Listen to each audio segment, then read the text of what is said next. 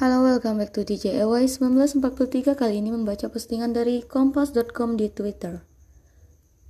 Kompas.com tiga hari yang lalu. Menata masa pensiun juga melibatkan pertimbangan situasi, kondisi, dan passion. Seperti yang dirasakan oleh fullback senior Benny Wahyudi. Let's go to the link.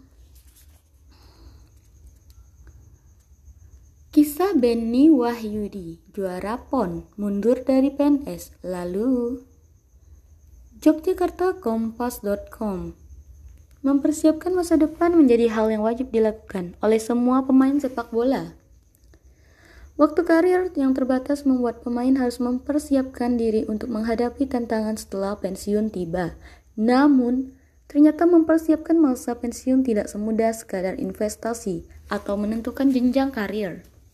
Menata masa pensiun juga melibatkan pertimbangan situasi, kondisi, dan bakat.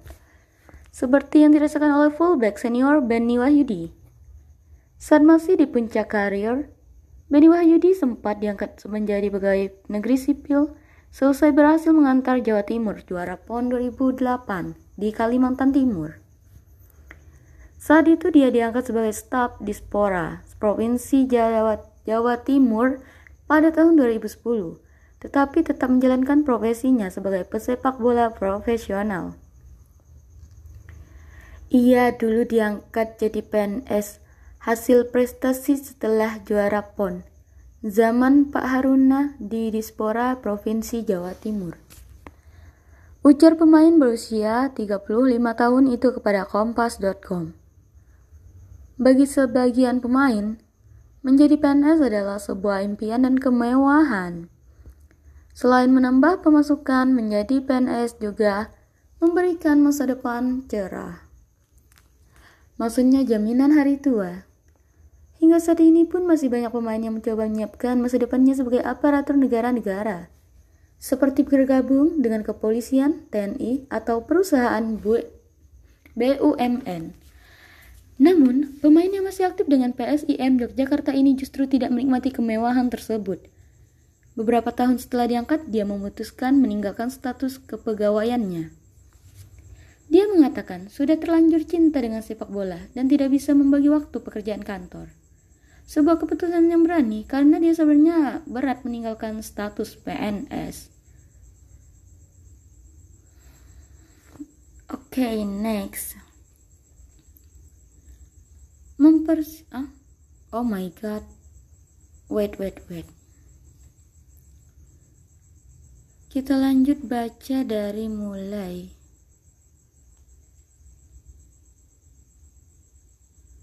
Wow.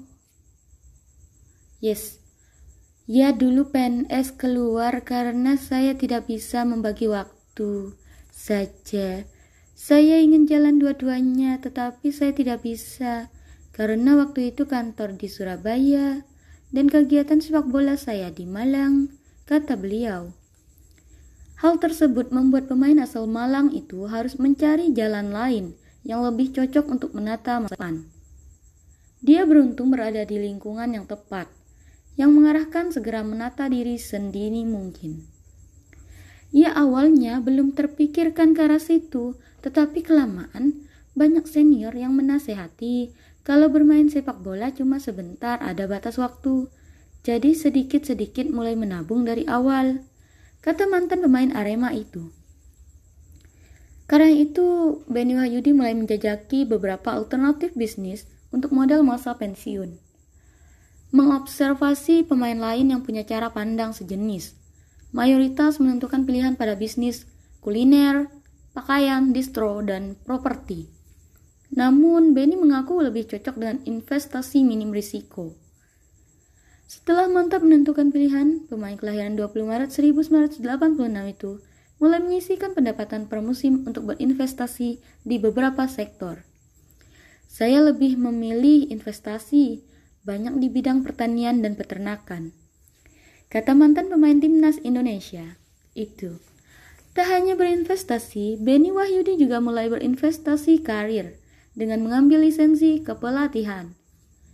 Dia sering terlibat dalam kegiatan-kegiatan akademi sepak bola dan pengembangan usia dini dalam berbagai kesempatan. Dia tak lupa menabung, selain itu untuk bakal pensiun, tabungan juga bertindak sebagai dana darurat untuk menjaga kesiapan finansial terhadap kejadian tak terduga, seperti cedera panjang atau keadaan force major seperti pandemi COVID-19. Penting sekali karena selain masa main bola itu terbatas, kita tidak tahu setiap musim seperti apa, bisa cedera atau kompetisi tiba-tiba berhenti, tentu berpengaruh sama finansial, kata Benny. Jadi kalau kita punya tabungan minimal aman lah buat makan, ujarnya. Untuk bisa mapan secara finansial, dia mengatakan bijak dalam bergaya hidup menjadi kunci utama. Jangan berlebihan menikmati kemilau di atas puncak, karena yang di atas cepat atau lambat pasti akan turun. Gaya hidup harus disesuaikan, boleh kita sekali-kali menikmati hasil kerja, tetapi kita harus tahu batasannya jangan sampai kebablasan. Malah bisa bikin tekor gaji, katanya. Terima kasih kepada kompas.com yang telah mengabarkan ini. Di hari Kamis 16 September 2021 pada pukul 10 malam, waktu Indonesia bagian Barat ditulis oleh kontributor bola Suci Rahayu dengan editor Eris Eka Jaya. Sekian dan terima kasih.